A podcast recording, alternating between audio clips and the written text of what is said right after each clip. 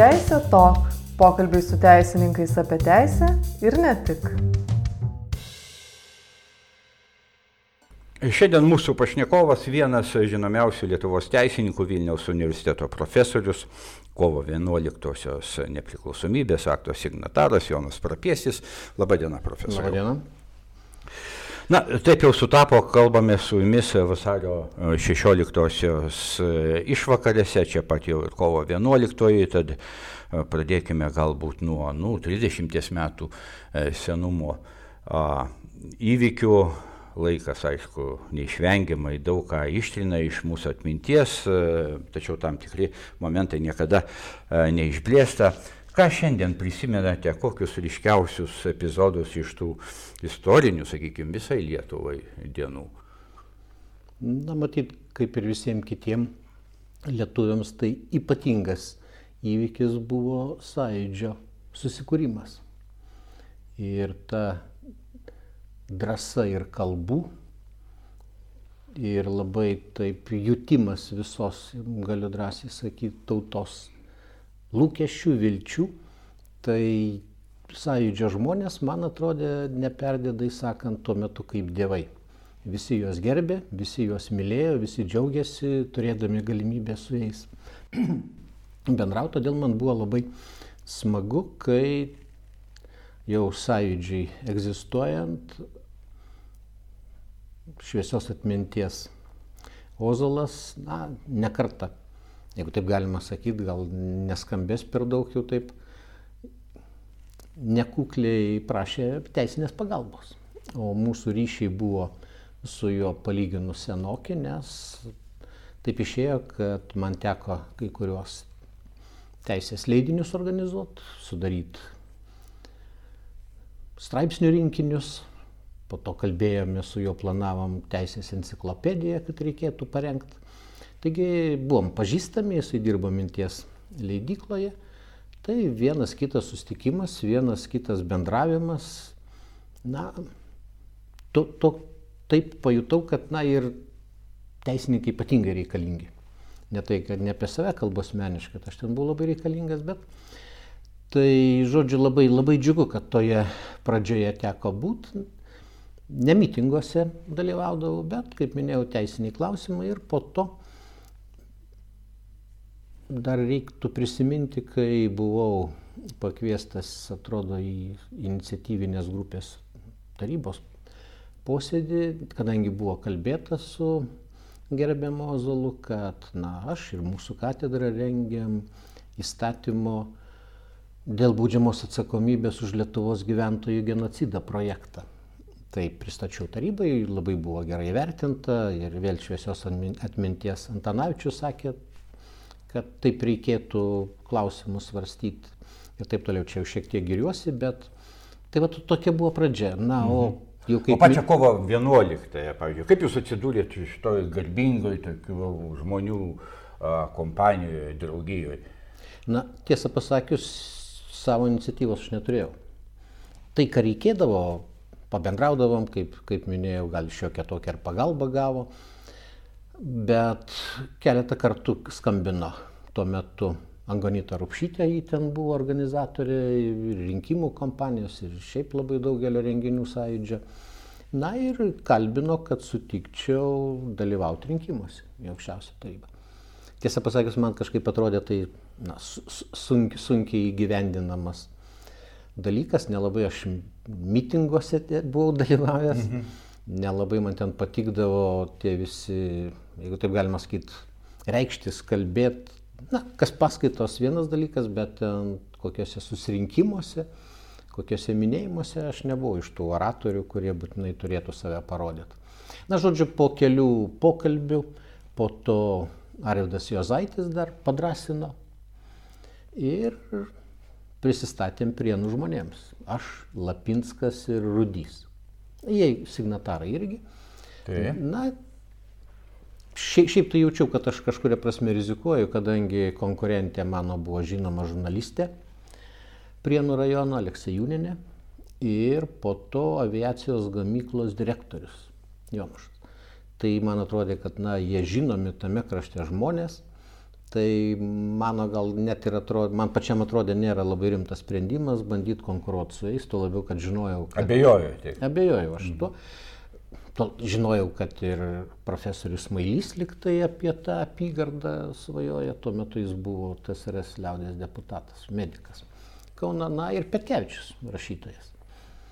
Tai, bet po to likom mes trys, tie, kurie buvom po įvairių ten, dar, dargi buvo atrankos ir susitikimai, ir vertino ir sąjūdis ir panašiai, žodžiu, prienuose liko aš, Rudys liko Birštone, o Lapinskas išvažiavo į Šiulius. Tai va, tai, bet man kažkuria prasme sekėsi, kadangi per pirmą turą aš jau buvau išrinktas. Mm. Užteko pirmo turo. Iš pirmo karto. Jo, kompanija buvo labai įdomi, net ir teko dalyvauti desantininkų pul pulke, su agitaciniam priemonėm. Tai aš žinau, kad... Kaip aš... ten buvot pasitiktas? Nu, taip, kaip čia pasakyti, jaučiu, kad šaltai. Mhm. Bet jau man, mane buvo įspėjai prieniškiai, kad sako, tu ten balsų nesurinksi, bet tu turi sudalyvauti, kadangi kiti dalyvaus tavo konkurentai. Tai, na, pir, pirmi, pirmos minutės, gal tie pirmi klausimai, pirmi atsakymai tokie buvo šiek tiek įtempti. Bet po to jautėsi visai toks normalus pokalbis. Jie turi savo nuomonę, aš turiu savo nuomonę. Jie manęs, pavyzdžiui, klausė, kas bus su paminklais, sakau, na, teks tikriausiai įsivežti. Žodžiu, įsiskyrėm taikiai, jeigu taip galima sakyti. Ir mano nuostabai dar ten kelios dešimtis balsų buvo to rinkiminėje apylinkėje ir iš tų kariškių. Na, esate sakęs, e, prisimenant 90-ųjų e, kovo 11-ąją, galima tvirtinti, jog e, tokios dienos tuo metu jau tiesiog negalėjo nebūti. Lietuvos žmonės būtų pasijutę išduotais, apgautais, jei jų deputatai nebūtų prieėmę nepriklausomybės aktą. Visai nebejojo tuo metu balsuodamas. Aš tai vis, visiškai tuo nebejojau. Nesviravote. Nesviravote. Nesvarstėte. Ne, to, to, to visiškai nebuvo. Tik tai, na, ne, buvo neaišku kada tai, bet man atrodo, kad mūsų apsisprendimą paskubino pati Maskva. Mhm. Dabar va, prisiminiau, kadangi tuo metu buvo pradėtas renkti, kai jau pajuto, suprato, kad tas vadinamas persitvarkymas nuėjo ne taip, kaip buvo galvojama Maskvoje. Tai, kiek pamenu, buvo pradėtas renkti mechanizmą išstojimo iš TSRS mechanizmo įstatymo projektas. Na ir ten tame projekte buvo tiek nuostatų, kad kaip tuo metu rašiau Prienų laikraštyje, kad, na, faktiškai mums rengiama panašiai, kaip egliai žalčių karalieniai vyras nesunešiojamas metalinės klumpės norėjo uždėti. Tai, man atrodo, tai irgi paskubino. Na, o jau, jau kartojasi, bet tikrai Lietuva buvo subrendusi. Ten, kur aš būdavau susitikimuose, būdavau pačiuose įvairiausiuose kolektyvuose, tai, kad nebus skelbiama nepriklausomybė, man atrodo, žmonės net negalvoja. Ten klausimų būdavo, jeigu ten kokiam nors kolūkiai ar kur, tai kas, kas bus su tais kolūkiais, dar ten kas bus, bet kad bus nepriklausomybė, tai tiesiog jautėsi iš visų. Ir jų sąjūdis buvo labai pakėlęs žmonės ir aš prisimenu tą sąjūdžio pirmą suvažiavimą, kai buvo, na tai, tai buvo nepaprastai jausminga, nepaprastai pakilu, šve, šventė ypatinga. Tai viskas jau buvo paruošta iš esmės. Mhm. Tai pati kovo 11 jūsų gyvenime ypatinga diena. Be jokios abejonės ypatinga. Mhm. Na, suprantama, tam tikra prasme ir nerami, kokia ta ateitis, kas bus, bet baimės tai tikrai nebuvo. Gerai, dabar e, truputėlį apie jūsų teisininko kelią. Jūs e, kupiškėtis esate. Taip, iš kupiškio. Baigėt kupiškio vidurinę mokyklą. Taip. taip. O dabar tas noras tapti teisininku, iš kur čia dabar atsirado jisai? Nes man teko girdėti daug teisininkų, na, nesisekė matematika, nesisekė fizika, nu, prastai išmanė chemiją, gal tada tokia humanitarinė disciplina. Tai aš tada šiek tiek skiriuosi nuo, nuo tų teisininkų, Jūsų kadangi man mat, matematika sekėsi, aš olimpiadose dalyvaudavau. A. Fizika irgi patiko, tai bent jau ir fizikos mokytojai, ir matematikos mane, kad aš į tą sritį nueisiu. Mhm. Sekėsi rašinėliai, lietuvių kalba labai patiko, bet tai čia visa dabar galiu drąsiai tvirtinti, lėmė mokytojai. Jie sugebėjo priversti mokytis, sugebėjo sudominti, uždegti ir panašiai. Tai didelis indėlis mokytojų. Mhm. Tačiau mane tai labiausiai vilioja medicina. Taip. O galvoju, čia tai profesija. Visada tu gali būti svarbus, reikalingas žmonėms. Daktaras, nuo seno Lietuvoje buvo. Daktaras tai profesija. Taip, ir, tai ir rimta. žinau, kad ir mama bandė į mediciną, bet buvo problemos, kadangi na, visi ir tėvai, ir aš to kraujo, kaip paprastai tariant, bijom. Tai visokiais būdais save bandžiau, bet jutau, kad ko gero nieko neišeis. Na, pavyzdžiui, vienas, šita, vienas bičiulis upėje kartu mes ten maudėmės įsipjovę stipriai koją su stiklais, tai man užteko jėgų pristatyti į greitosios pagalbos punktą ten mūsų kupiškyje, bet medikai pirmiausiai puolė padėti man, kadangi pasibaigė mano jėgos ir valia. Mhm. Talpau ten ir panašiai. Žodžiu, jutau, kad na, neišeis. Galbūt ir kažkada būtų kažkoks perversmas įvykęs, bet medicina, nors aš baigiau pakankamai gerai, man atrodo ir tuo metu galėjau bandyti stoti. Kaip minėjau, tie tikslėjai mokslai nebuvo man sudėtingi. Tai po to dar buvo minčių apie architektūrą. Nežinau kodėl, bet tokių, bet jutau, kad, na, neturiu, kaip čia pasakyti, talento piešimui. Matematika, geometrija, kas atrodo reikėtų architektams, man buvo įveikiama. O čia šitų. Tai žodžiu, aš vertinau save taip pakankamai kritiškai, manau, pakankamai realiai. Na, o kad pasibaigtų kalbos, nu, kadangi vis būdavo tas vadinamas profesinis orientavimas. Ir vis pirždavo mintis, kur aš čia turėčiau eiti ir panašiai, tai kad nuo manęs atstotų, pasakiau, kad būsiu karininkas. Nu, o taip, Ne taip. taip jutau, kadangi, na, kas gali prieštarauti, kad nori būti karininku. Tai čia jau, jau prieš valstybę liktai būtų. Tai mane paliko ramybėje tuos paskutiniuosius metus mokytojai, nors vis taip pasimindavo, kad, nu, gal tu pagalvok. Neturėjau aš net minčių į tuos karininkus, kadangi šiek tiek ir auklėjimas šeimoje buvo toks, kad, na, šita valdžia, tuo labiau tos visos represinės struktūros, na, ne mums. Nes Taip. Tėvas buvo persikėjimas įvaikė po visą Lietuvą saugumas, buvo tremtų giminė ir panašiai.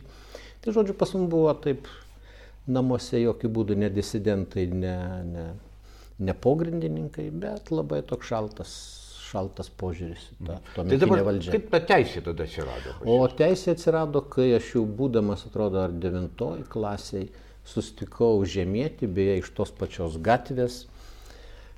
Da, da, šitą dabar jis ir buvo teisingumo, ką tik tai baigė kadenciją teisingumo teisme, Egidijus Beliūnas. Sakau, kur tu, jis ten tuo metu buvo kupiški pažyba ir puikus sportininkas ir mokslai puikiausiai sekėsi. Buvo kalbama, kad gal net ir į lakūnus jis ten bandys stot.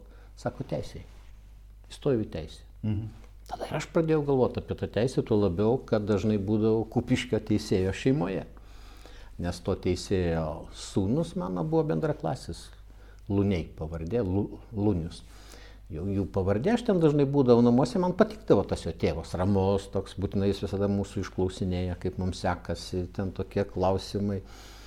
Tai solidus žmogus, visi kalbėdavo apie jo, labai teisingas, ne- negirdėdavau jokių kalbų, kad ten, kaip dabar mes čia sakom, korupcija ar panašiai. Taip, tai pradėjau galvoti, advokatas labai patiko, ten tuo metu irgi buvo toks labai solidus. Nedažnai aš ten turėdavau galimybių ten, neįdavomės į tuos teismus, teismų posėdžius, na, bet kažkur tai teko nekartą matyti, girdėti, pagalvojau, gal teisininkų. Ir? Nu, tai, tai toks va kompromisas. Vilniaus Nuėjau į universitetas? tai- Taip. Ir Vilnius universitetas pasisekė. studijuoti? Iš karto įstojau, sekėsi gerai ir padidintų stipendijų keletą semestrų gaudavau. Mhm. Viskas labai normaliai patiko.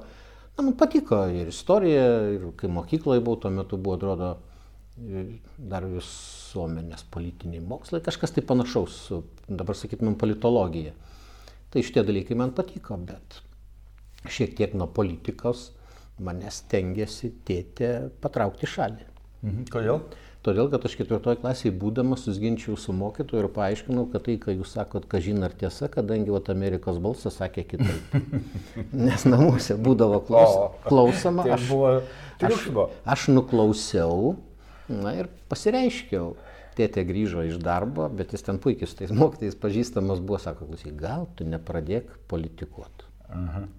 Tu gal sako, mokykis, kas tau reikia tu neskiški politiką ten toks. Tokios metuose rimtai negi kalbės matyti ir tėtė tai sakė, tu ne, daugiau nebekalbėk apie tą Amerikos balsą, nėra reikalo, sako, pas, paskui man bus blogiau. Ir taip jam nebuvo ten labai gerai visą laiką prižiūrimas. Tai va, tai taip, tai taip ir išėjo. Koks buvo jūsų pirmas darbas pabaigus mokslus? Darbas mano labai buvo, jeigu taip galima sakyti, aiškus, paliko mane pakvietė dirbti fakultete. Mhm. Ir paskui aš supratau ir tuo metu aš jutau ir tėtė sakė, kad sakė, tu į teisę nesto, kadangi karjeros nepadarysi. Sako, mūsų šeimoje yra represuotų ir sako, tau tikrai trukdys. Na ir po to aš pasitikrinau bebaigdamas, supratau, kad manęs niekur neims. O fakultete pasiūlė, na, visada fakultetas ir universitetas tai kažkas tai ypatingo buvo. Tai taip likau dirbti, galvojau taip, įsitvirtinsiu, įgysiu daugiau žinių. Ir tada galvosiu gal apie praktiką, gal advokatūrą. Bet po to, kai pats pradėjau jaust, kad vis tik tai va ten ta giminės, tas toksai nepasitikėjimas giminė persiduodavo ir man, pavyzdžiui, neišvažiavau į Sorbonos universitetas stažuotis, ne, neišleido partinės institucijos, kadangi sakė, na, nesipatikimas. Paskui ir su Kupiškio pirmojo sekretoriu teko diskutuoti, aš jau bandydamas, kaip čia pasakyti, įtikint, kad na vis tik tai tėvams reikėtų būtelį skirti visą gyvenimą, taip sąžiningai gyvenę, nieko ypatingo neuždirbo. Tai man buvo keista, kai tas pirmas sekretorius sako, ką jūs čia kalbat. Sako, mes skirtingose barikadų pusėse, apie kokį jūs čia būtą kalbat. Mhm. Nors organizacija skyrė tėvui, bet buvo aišku, kad trukdo na, miestelio valdžia. Aš ten kovėjausi ilgai, po to net ir per ministrų tarybą ten tą skundėm tokius sprendimus, lyg tai buvo ir teigiamai, nu, žodžiu, tokia, tokia ilgoka istorija. Tai aš, aš pajutau, kad na, na, vis, ne visai tinkamas ir jau kai disertaciją turėjau, mane labai aktyviai agitavo į tuo metu Minsko milicijos mokyklą, dabar Riomerio universitetas. Kadangi būtas nenusimatė, jauna šeima ir vaikutis buvo, tai pasitikrinau, kaip ten na, šitą pasikvietė mane, pasakė, sakė, valstybės vyrų nebūsi. Mhm. Sėdėk ir džiaugis, kad tave laiko fakultete. Ne, šitai. Taip. Pul pulkininkas. O gyvenimas parodė visai ką kitą. Na, viskas vertėsi. viskas vertėsi. Viskas atėjo vertėsi. 90-ieji, atėjo kovo 11-oji, mes jau e, kalbėjome šitą temą, bet e, štai ir 92 metai, 92-96 metai jūs tampate teisingumo ministru. Ir Lietuvoje, Lietuvoje, nu, tarkim, šitaip ne patys lengviausi metai. Organizuotas nusikalstamumas pradėjo klėstėti, e, tos ABSV e, koncerno e, bylos tuo metu įsisiubavo. Koks jums tai buvo gyvenimo laikotarpis? Na, aš galiu drąsiai sakyti, kad po aukščiausios tarybos tai pats įdomiausias. Net šitaip. Taip, pats įdomiausias, kadangi uh, Čia paminėjote BSV, tai čia, tai jeigu taip galima sakyti, Teisingumo ministerija aš mažiausiai kodėtas, kadangi priežiūra bankų, visokių finansinių organizacijų, neteisingumo ministerijos, bet ten atsiradau aš prie BSV mano pavardė todėl, kad kai kurios politinės jėgos buvo visiškai nepatenkintos, kad man tuomet šiek tiek vėliau nusimatė karjerą tapti aukščiausio teismo pirmininku, kadangi kelis kartus ekscelencija Lietuvos Respublikos prezidentas Adamkus kvietė, iš trečio karto sutikau, bet sakiau, bus problemų, kadangi yra politinės jėgos, kurios manęs nemėgsta, prisimena nuo aukščiausios tarybos laikų, kad nelabai ten mane galima lankstyti, kai kurios bylos artėjo jau iki aukščiausio teismo, galim sakyti, politinės. Tai tikrai buvau netinkamas. Mhm. Sakau, bus, bus sudėtinga. Na, sako, kaip nors įveiksim. Tai žodžiu, ten ABSV man prirašyta tų, kurie puikiai žinojo, kad tai visiškai nieko dėta ministerija. Mhm. Bet, na, aš džiaugiausi, kadangi nieko daugiau nerado, ką galėtų apie mane paleisti negero. Aš puikiai žinau, kad mano visos bylos, kurias aš nagrinėjau būdamas jau aukščiausiam teisme, buvo tikrinamos, peržiūrėtos specialistų, nieko, nieko daugiau nebuvo, tai išmetė absurdą. Mhm. Bet tautai, kai sako, teisingumo ministras neužkirto kelio aferom. Na tai žmonėm tai viskas yra suprantama. Nu kaip jis neužkirto to kelio. Tai va, tai, o ministerijoje Bet darbas man buvo kažkuria prasme. Teismų reformos regis tuo metu. Taip, darbas tam tikrą prasme buvo žinomas, kadangi kai aukščiausiai taryboje dirbam, aš buvau tos teisinės sistemos komisijos pirmininku, tai galim sakyti, mūsų kruojama buvo sritis, institucija, tai aš žinojau ir puikiai ir žmonės, žinojau ir, ir problemas. Tai nekuklu, bet tuo metu aš kažkuria prasme net ir turėjau galimybių, turėjau galimybių rink, rinktis darbą, nes buvo toks siūlymas gal vidaus reikalų ministrų, gal net ir į konstitucinį teismą, bet aš jutau, ką aš sugebu, ką, ką galiu. Jūs galėjote pasirinkti net kokiu ministru, galėtumėte būti? Tuo metu buvo siūloma, sako, mhm. arba gal, gal vidaus reikalus gali teisingumo ministrus, na sako, gali ir va čia tuoj, tuoj bus tas klausimas sprendžiamas. Tai teisingumo ministerija, teisingumo ministro jūsų pareigos buvo, tai jūs sakot, buvo įdomiausias jūsų gyvenimo taip, laikotarpis. Taip, kadangi... Tai, kuo jis įdomus buvo? Įdomus tai, kad, na, dabar kažkaip tai visą laiką kalbam apie reformas, nors nekiek tų reformų yra, kiek, na, greunama tai, kas yra padaryta ir ne kiek taisoma, kiek pagadinama, gal nelabai kukliai kalbu, bet tuo metu iš tikrųjų buvo reformų metas. Ir notariatas turėjo tapti visai kitokiu. Teismai turėjo būti kuriami, kadangi teisinė bazė iš esmės įstatymai buvo parengti, na, bet buvo aišku, kad dar atkurti nepriklausomai Lietuvoje buvusią teismų sistemą, na, faktiškai tuo metu dar buvo neįmanoma nes va tais metais, kai mes jau dirbom Teisingumo ministerijoje, aš sakau mes, kadangi galima pasigirti, kad faktiškai baudžiamosios teisės, dabar baudžiamos justicijos katedra, na, kaip sakoma, vadovavom paradui. Aš buvau ministras, mano pavaduotojas viceministras Gintaras Švedas, aktyvus ir svarbus žmogus patarėjas Armanas Abramavičius. Tai dabartinis brandolys mūsų katedros Tai, tai turėjot gerą komandą. Puikiai komanda, kas, kas labai buvo gerai. Kai buvau kviečiamas į ministrus, tuo metu Respublika rašė ketvirtą ar kurį ten kartą paprašytas eina į ministrus, tai mano buvo tokia, jeigu taip galima sakyti, sąlyga ir prezidentui, ir premjerai, kad žmonės pasirinksiu aš. Mhm. Man nereikia jokių partiečių, kadangi aš pats nebuvau partinis.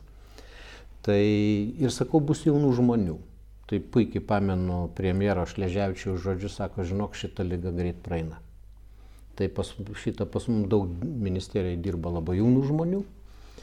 Tai va, tai žodžiu visa ir labai buvo puikių specialistų, kurie jau brandus, bet mes su džiaugsmu, jeigu taip galima sakyti, sutikom jų sprendimus, kad jie nori dirbti, žodžiu derinom jaunystę, veržlumą, ryštą, žinias su patirtimi, irgi su žiniomis, su tam tikro, jeigu taip galima sakyti, atsargumu. Taigi aiškiai artėjo reforma. Teismų jau tokia rimta reforma.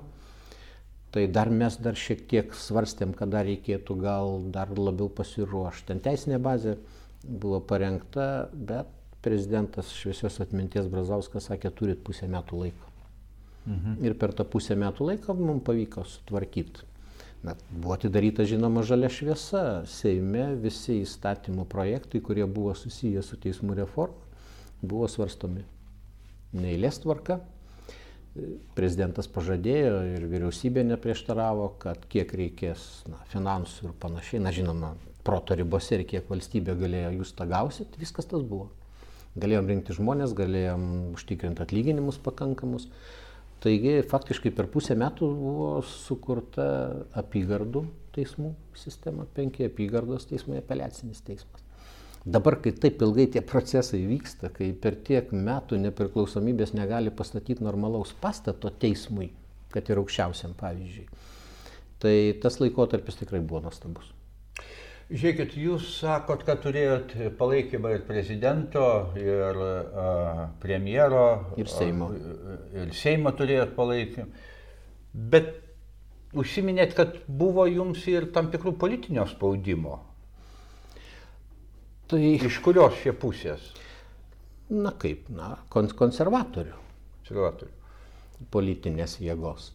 Aš negaliu sakyti, kad ten politinio spaudimo. Ten greičiausiai buvo noras, kad patraukti šalį, kad manęs mhm. nebūtų. Jokių tokių, jeigu taip galima sakyti, ten reikalavimų. O ko tam prašymų. neįtikote? Na, aš manau, kad, manau, kad aš neįtikau dar nuo darbo aukščiausiai taryboje, mhm. kai buvau teisinės sistemos komisijos pirmininku, pavyzdžiui. Aš labai atsargiai vertinau restitucijos įstatymo projektą, turiu galvoje žemių gražinimą savininkams, kad tai būtina be jokios abejonės, bet aš sakiau, ar mes tikrai paskaičiavom, ar mes tikrai žinom, kiek yra kokie plotai, ar nebus padaryta klaidų ir taip toliau. Tai va tokie momentai. Na, buvo ir kitur, va, pavyzdžiui, aš buvau iš tų retų aukščiausiai taryboje žmonių deputatų, kuris nesutiko, balsavau prieš aukščiausios tarybos paleidimą. Mhm. Aš buvau įstikinęs, kad tai tikrai kvalifikuota, išmananti, jeigu taip galima sakyti, didžioji dalis dirbančių aukščiausiai taryboje ir ten faktiškai dėl politinių kaprizų, kas, kad kuo greičiau, kad būtų tautos vadas prezidentas su ypatingai įsigaliojimas, man tai atrodė nerimta. Tai todėl aš balsavau prieš aukščiausios tarybos paleidimą, nes ir sakiau, neturėkit iliuzijų, kad sujosit į aukščiausią tarybą su baltai žirgais. Čia aš turiu galvoje kaip nugalėtojai. Nes aš pakankamai daug susitikimuose būdavau su savo rinkėjais Prienų rajone. Aš mačiau, kaip keičiasi nuotaikos. Ne tai, kad nepriklausomybė žmonėm kelia problemas, bet politikai, kurie yra ir tuo metu, na, ta buvusi santarvė vienybė, jinai pradėjo aižėt, aižėt labai.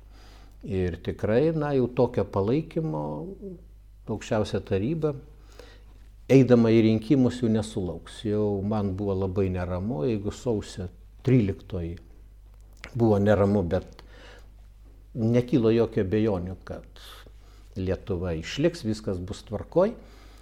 Tai jau rūpiučio pučas, kai tom naktim, kai teko būti aukščiausiai taryboje, kai pažiūri žmonių prie aukščiausios tarybos faktiškai nėra.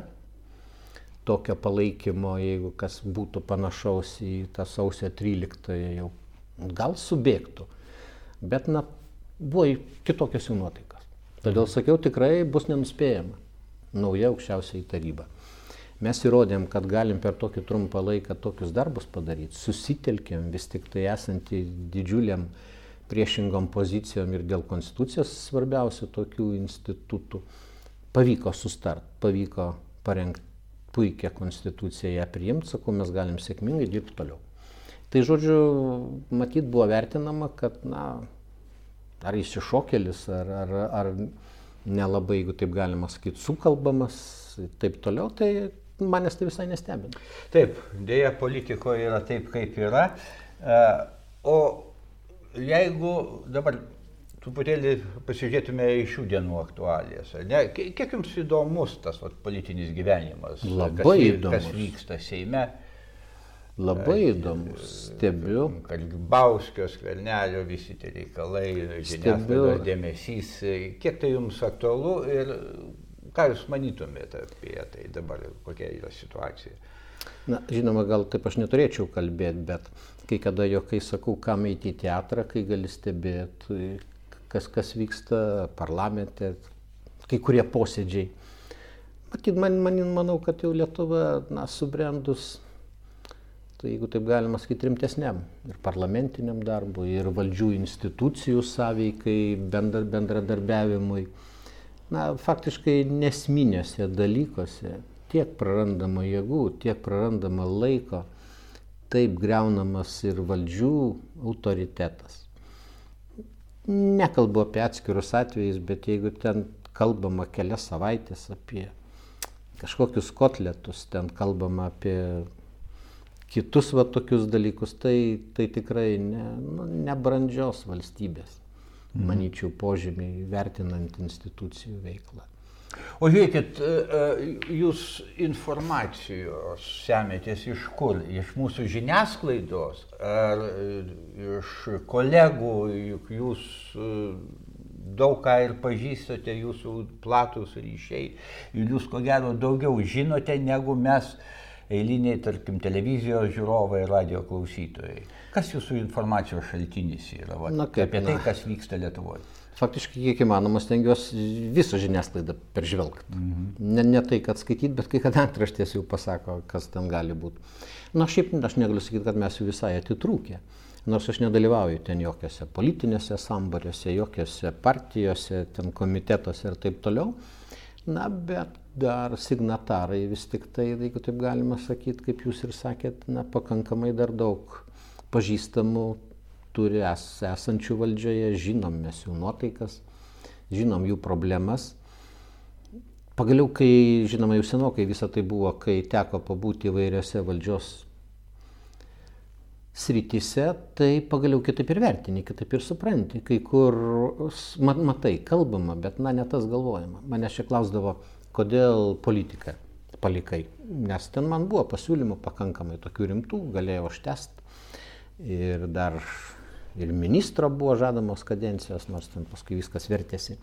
Bet aš į vidų jutau taip, kad, na, aš esu ne artistas. Politikoje reikia būti mhm. artistu. Tu turi visą laiką vaidinti, kaip tu pergyveni, nesvarbu dėl ko, bet tu pergyveni ar dėl konkretaus rinkėjo, ar apskritai tik apie valstybę galvoji, daugiau nieks nerūpi. Na ir aš nežinau, kaip tai pavadinti, turėti jėgų, na žodis naikinti netinka, bet tam tikrą prasme kovoti negailestingai, net neretai kaip žiūriu ir negarbingai su savo oponentais. O net ir ko gero kolegom, kurie galbūt su tavim konkuruoja. Tai va šitų savybių aš jutau, kad pas mane nėra. Mhm. Ir kai baigėsi aukščiausiai taryba, aš iškart sakiau, kad viskas į rinkimus. Tiesa, jeigu teisybė į rinkimus mane dar prikalbino prienų žmonės eit, bet aš sakiau, kad aš neturiu jokio, jokių šansų, kadangi aš žinau, ką reikia kalbėti sustikimų metu su rinkėjais, bet aš to negaliu daryti. Nes man buvo sakoma, tu turi arba labai kritikuoti Landsbergį, arba labai kritikuoti Brazauską. Tai vien dėl skirtumo amžiaus, dėl pagarbos tikrai šitų iškilių žmonių darbams, e, tai na, man tas visiškai nebuvo priimtina. Tai aš važiavau, aiškinau, kokia svarbi konstitucija ir žinau, kad aš pralaimėsiu.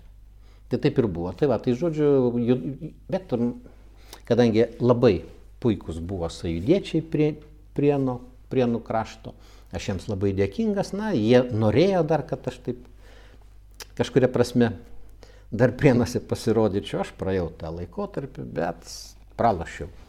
Mhm. Tai pasirinkau daugiau praktinį darbą. Taip, ir ko gero neprašovėt, aš taip suprantu. Oi, ne, ne- labai- Nesigailit. Ne, ne, labai laiku išėjau. Po to labai puikūs darbai, konstitucinis teismas. Tai ten tokia buvo mokykla prie tokių specialistų. Tai vad norėjau jūsų ir klausti, dirbote teisėjų konstitucinėme teisme, Lietuvos aukščiausiame teisme, nepriklausomybės akto signataras taip pat esate, ką mes minėjome, turite ir kitų svarbių pasiekimų, tai iš esmės jūsų kaip ir teisininko gyvenimas ir apskritai kaip žmogaus gyvenimas gana sėkmingas. Tai kaip jums atrodo, kas ta sėkmė yra jūsų gyvenime? Kur čia tas raktas jūsų, to, sakykime, to, to pilnaverčio, gero, sėkmingo gyvenimo visom prasmėm? Aš nežinau, gal, na, be jokios abejonės dir- dirbti reikia daug. Reikia daug dirbti, dirbti prasmingai. Na ir gal nuo vaikystės toks tėvų skiepytas, manyčiau, elgesio etalonas - niekad nedaryk žmonėm taip, kai ko nenorėtum iš jų sulaukti. Mhm. Na, žodžiu, pagarba žmonėm, gerbimas nu, nuomonės, įvairiausių nuomonių, bet tai nereiškia, kad turi prie kažkurios tai prisirištų, turi pats vertinti, svarstyti. Na ir kaip tėtė sakydavo, ne, nedaryk tokių darbų, dėl kurių negalėtum naktį ramiai mėgoti. Tegul bus mažiau, bet viską sąžiningai, viską garbingai, bet kad būtum drąsiai žiūrinti žmonėm į akis ir nebijantis jokių skambučių, jokių tokių netikėtų veiksmų iš kur nors. Mūsų pokalbio tikrai, e, aš manau, kad pasiklausys ir e, jauni teisininkai. Aš manau, kad jiems tikrai bus įdomu išgirsti jūsų mintis. O ką jūs apskritai galėtumėt patarti jauniesiems teisininkams, kurie tik pradeda savo profesinį kelią? E, gal pastebite, kad jie kažką daro ne taip, pastebite kokias klaidas, kurių nereikėtų galbūt daryti?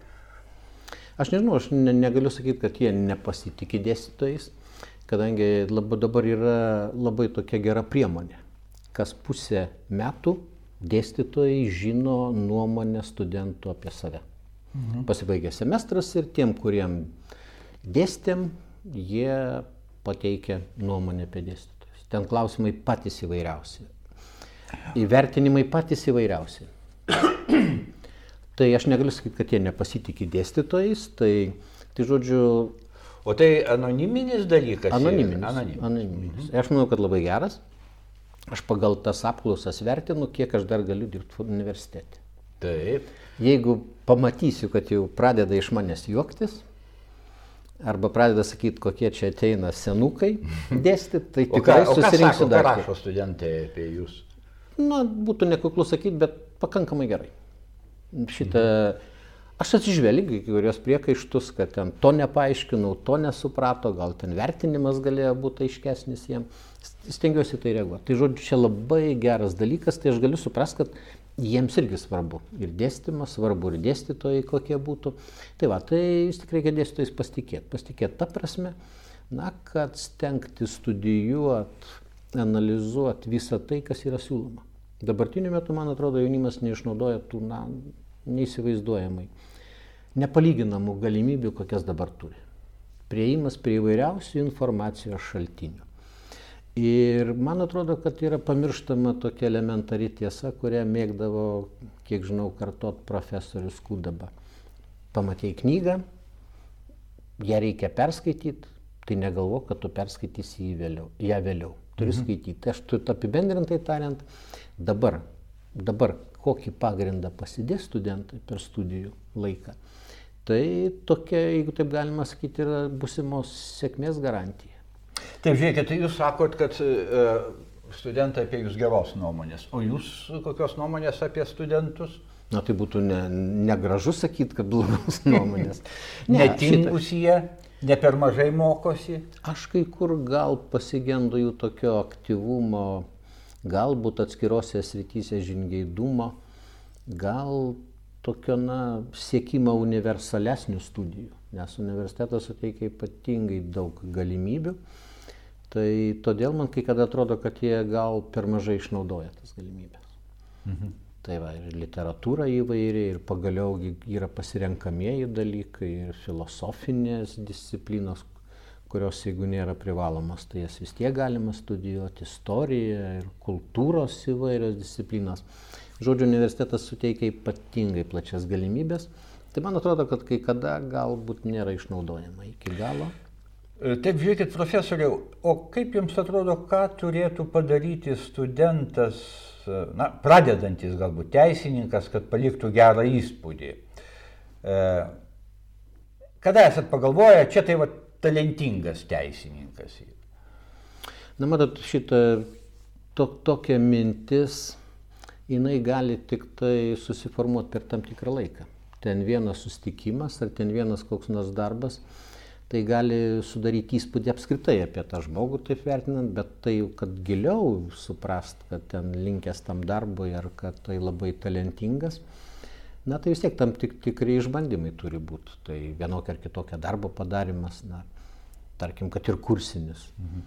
Jeigu matai, kad rašoma yra priepiama ir konstitucinė jurisprudencija, ir teismų praktika, na, priklausomai nuo, tem, nuo temos ir istoriniai momentai, išvelgiami, lyginama, kas yra pasaulyje. Na ir kas svarbiausia, ko dabar labiausiai, manyčiau, pritrūkstama, na, tai tokių apibendrinančių, kritinių vertinimų.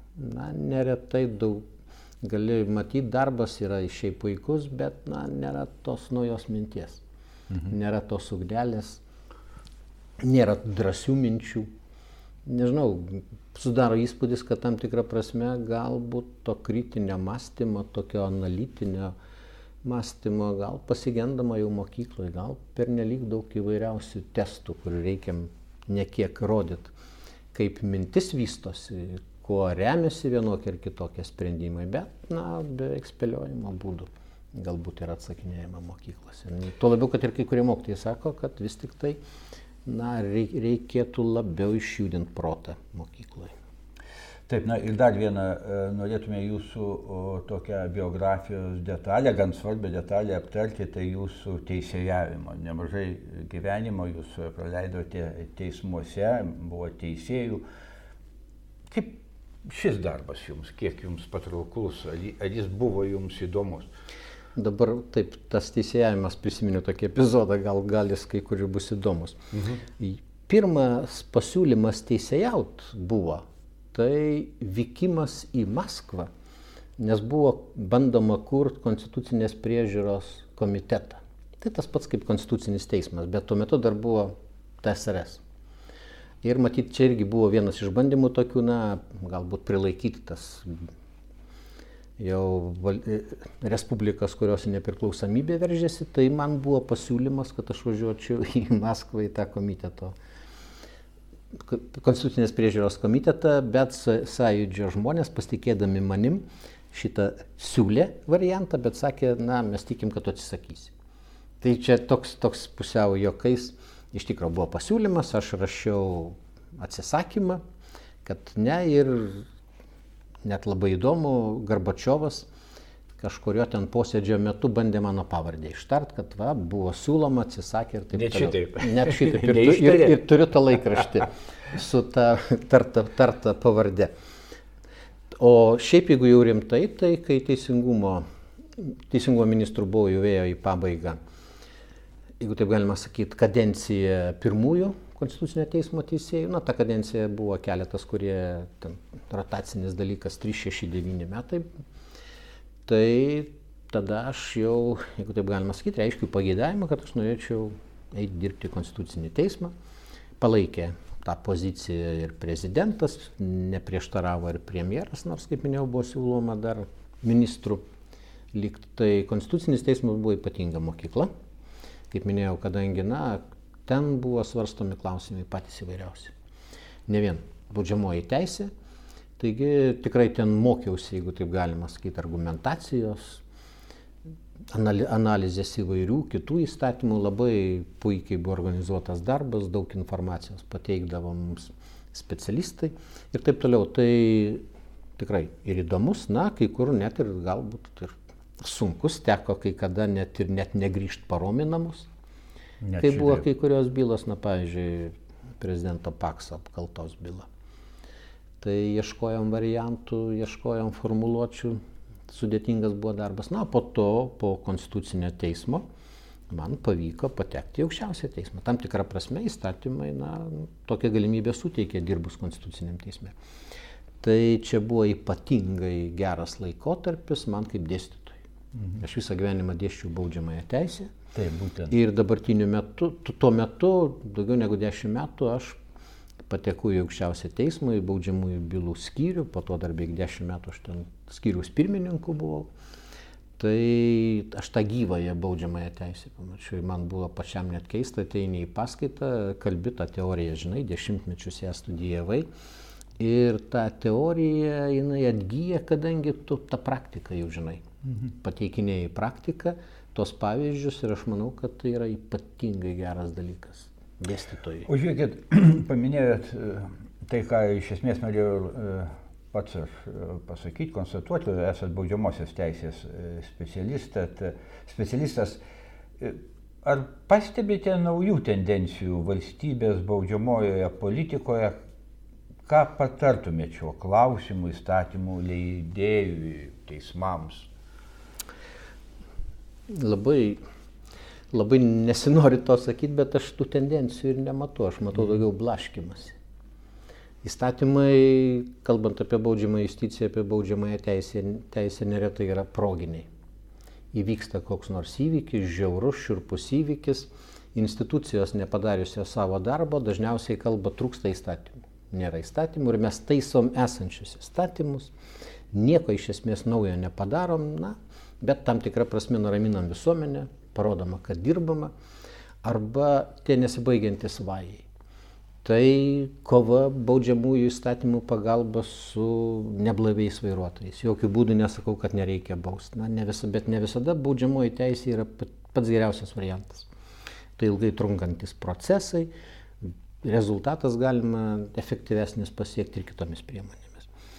Tai tampa pačiu svarbiausiu dalyku smurtas artimoje aplinkoje. Niekas neneigia, tas yra ir tai tikrai šiurpus, net galim sakyti gėdingas dalykas valstybei, kurį save teisinė valstybė laiko. Bet tai vėl įstatymai jau ir iki tol buvo. Niekas neleido nei tų vaikų mušti, nei skriausti artimųjų. Taigi sukeliamas toks, jeigu taip galima sakyti, triukšmas, politikai renkasi balus, skelbia aršę kovą, patys žinodami, kad nesubaudžiamaisiais įstatymais bus išspręstos įvairios problemos ir atskirties, ir, na, ir skurdo tam tikrą prasme. Kitų nusišyta netinkamų reiškinių baudžiamoji, įstatymai, baudžiamoji teisė niekada neįspręs. O tokiu būdu, na, faktiškai, galima sakyti, visuomenė liktai net ir, manau, yra mulkinama, neparodant tų pagrindų, tų giluminių šaknų, iš kurių tos bėdos kyla. Bet tom likviduoti bėdom, problemam reikalingas laikas, reikalinga daug įvairių priemonių. Ne visada pasiseka, tai kaip politikam tai yra rizikinga.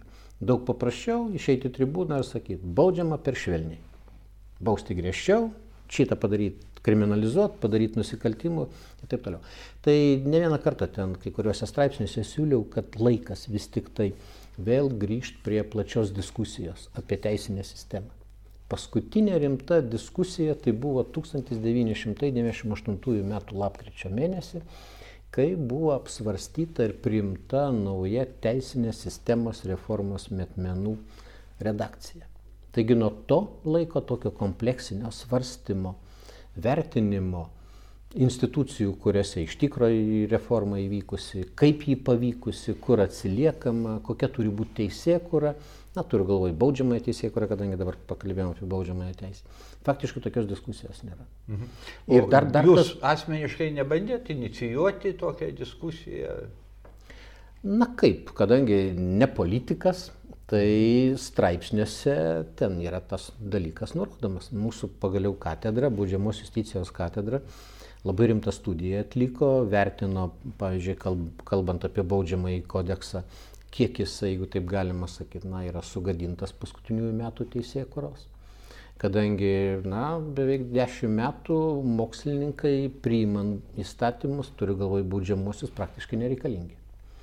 Įstatymų projektus pateikia teisės saugos institucijos, neretai lengvindama savo darbą ir nemanau, kad visada stiprindamos asmenų teisų ir laisvių apsaugos garantijas. Tai, kaip sakiau, mokslininkai nelabai reikalingi šitame procese, mhm. kadangi dažniausiai sulaukima vienokio ar kitokio kritinių pastabų, primenamas Strasbūro teismas ir taip toliau, tai, žodžiu, gal ir turėtume būti aktyvesni. E, žiūrėkit, o dabar kaip Jūs matytumėt e, per tuos 30 metų, ne, nuo nepriklausomybės atkūrimo. Teisininkai Lietuvoje kitokie, jie yra pasikeitę. Koks jūsų pastebėjimas yra? Na, žinot, tų teisininkų dabar labai yra daug ir suprantama įvairių. įvairių. Tai pavyzdžiui, kaip minėjau, pradžia Teisingumo ministerijoje tai buvo apie 130 teisėjų. Dabar be kelių dešimčių 800. Advokatų buvo panašiai kiek teisėjų, dabar virš 2000. Tai suprantama, kai taip greit daugėja, tai suprantama visokių ir tų teisininkų yra. Mhm. O gerai, kad daugėja teisininkų Lietuvoje. Aš manau, Nėra jų per daug. Aš manau, kad gerai. Tai teisininkas faktiškai tinka įvairiose darbo srityse. Administravimas. Pagaliau yra teisininkų ir vers, versle pakankamai daug pasiekusių. Aš manau, kad teis, teisininkų teisininkų reikėjo ir reiks, ypač jeigu mes kalbam apie teisinę valstybę. Mhm. E, dar norėjau jūsų klausti, e, iš kur kilo šitą dar man bent jau klausimas e, apie teisinę visuomenę, apie jaunuosius teisininkus. Jūsųgi abu vaikai ir duktė ir sūnus irgi teisininkai. Kaip čia atsitiko, kad jie tėvą pėdom abu nuėjo? Aš tai žinoma turiu džiaugtis, kad mano pėdom, nors mano... Nebandėt atkalbėti jų? Ne? Nors mano buvo, jeigu taip galima sakyti, na, bandymas nukreipti, tai sakiau, mama, gamtininkė, visi mes gamtą mylim. Taip. Tai kažkuris, sakau, gali gamtą. Na, tai dar ta vis viltis, viltis kad gali būti med, medikas, kas nors iš mūsų irgi nebuvo apleidusi. Bet, žodžiu, be jokio spaudimo, be agitacijos jie pasirinko teisę. Tai, žinoma, aš turiu džiaugtis. Na ir... Na, dažnai vaikai pasirenka, eina e, tėvų pėdomis. e, Galbūt tai yra lengvesnis kelias jiems, aš galvoju. Ne? Aš nežinau, aš šitą, kadangi man tikrai tėvai nenurodinėjo, ką aš turiu daryti, kur aš turiu eiti, sakė, pakankamai, man atrodo, jau jiem atrodė, kad subrendęs, protingas, sako, pasirinksi pats. Tai aš, kaip sakiau, aš savo vaikų irgi jokia prievarta, niekur aš jų nespaudžiau. Nors taip minėjau, kad gal ten, gal ten pasirinko jie ten, aš džiaugiuosi, na, o kas svarbiausia, kad jiem labai patinka. Jie tą teisę myli, sėkmingai, manau, dirba. Na, galėtų ir daugiau tų pasiekimų būti, kai aš taip kalbu jų pačių žodžiai, sako, tokios metuose jau pas tave tiek buvo visko, bet tai aplinkybės kitos buvo, laikai mhm. buvo, kiti keitėsi. Tai aš tikrai nenorėčiau linkėti, kad dar būtų naujų signatarų. Mhm. Nesignatarai kas. Tai kova už nepriklausomybę. Tai kad neištiktų kokie nors baisus įvykiai, kad vėl kažkada reikėtų galvoti apie mūsų valstybės nepriklausomybę. Tai va šito tai aš tikrai nelinkėčiau, kad dar būtų signatarų naujų. Baigiant pokalbį, koks jūsų laisvalaikis? Turit kokių pomėgių? Gal pažvėjojat, pamedžiojat? Ne, su, su, Renkat kokius pašto ženklus? su, su, su, pa, su pamedžiojimu. Ar neturit laisvalaikio iš viso? Ne, dabar jau yra. Moksluose. Dabar jau yra. Kai dirbau aukščiausiam teisme arba apskritai kitos, kituose darbuose, ašgi niekad fakulteto nebuvau palikęs. Tai suprantama, kad tada už tą sėdėjimą ant dviejų kėdžių, kaip sakoma, tekdavo atidirbti. Tai jau šeštadieniai, sekmadieniai, tai jau retai kada būdavo iš tikro polisis. Nes nor, nor, norint, kad darbą padaryti, reikia ir dirbti. Na, o šiaip taip, kas, kas gali nemėgti gribauti, ka, kam gali nepatikti gamta, būti gamtoje, žvejyba. Medžiotojų niekaip, tai vėl matyti mhm. tą mano, nežinau kaip čia pasakyti, baime kraujo ar ką, na, šauti gyvą negaliu. Kągi, ačiū. Aš manau, kad tie, kas klausys šito pokalbio, aš manau, kad bus įdomu išgirsti, o mes kalbėjome su Jonu Prapiešiu, žinomu teisininku, signataru. Ačiū Jums už pokalbį ir geros kloties man belieka Ačiū, palinkėti. ačiū uždėmesi ir visiems irgi.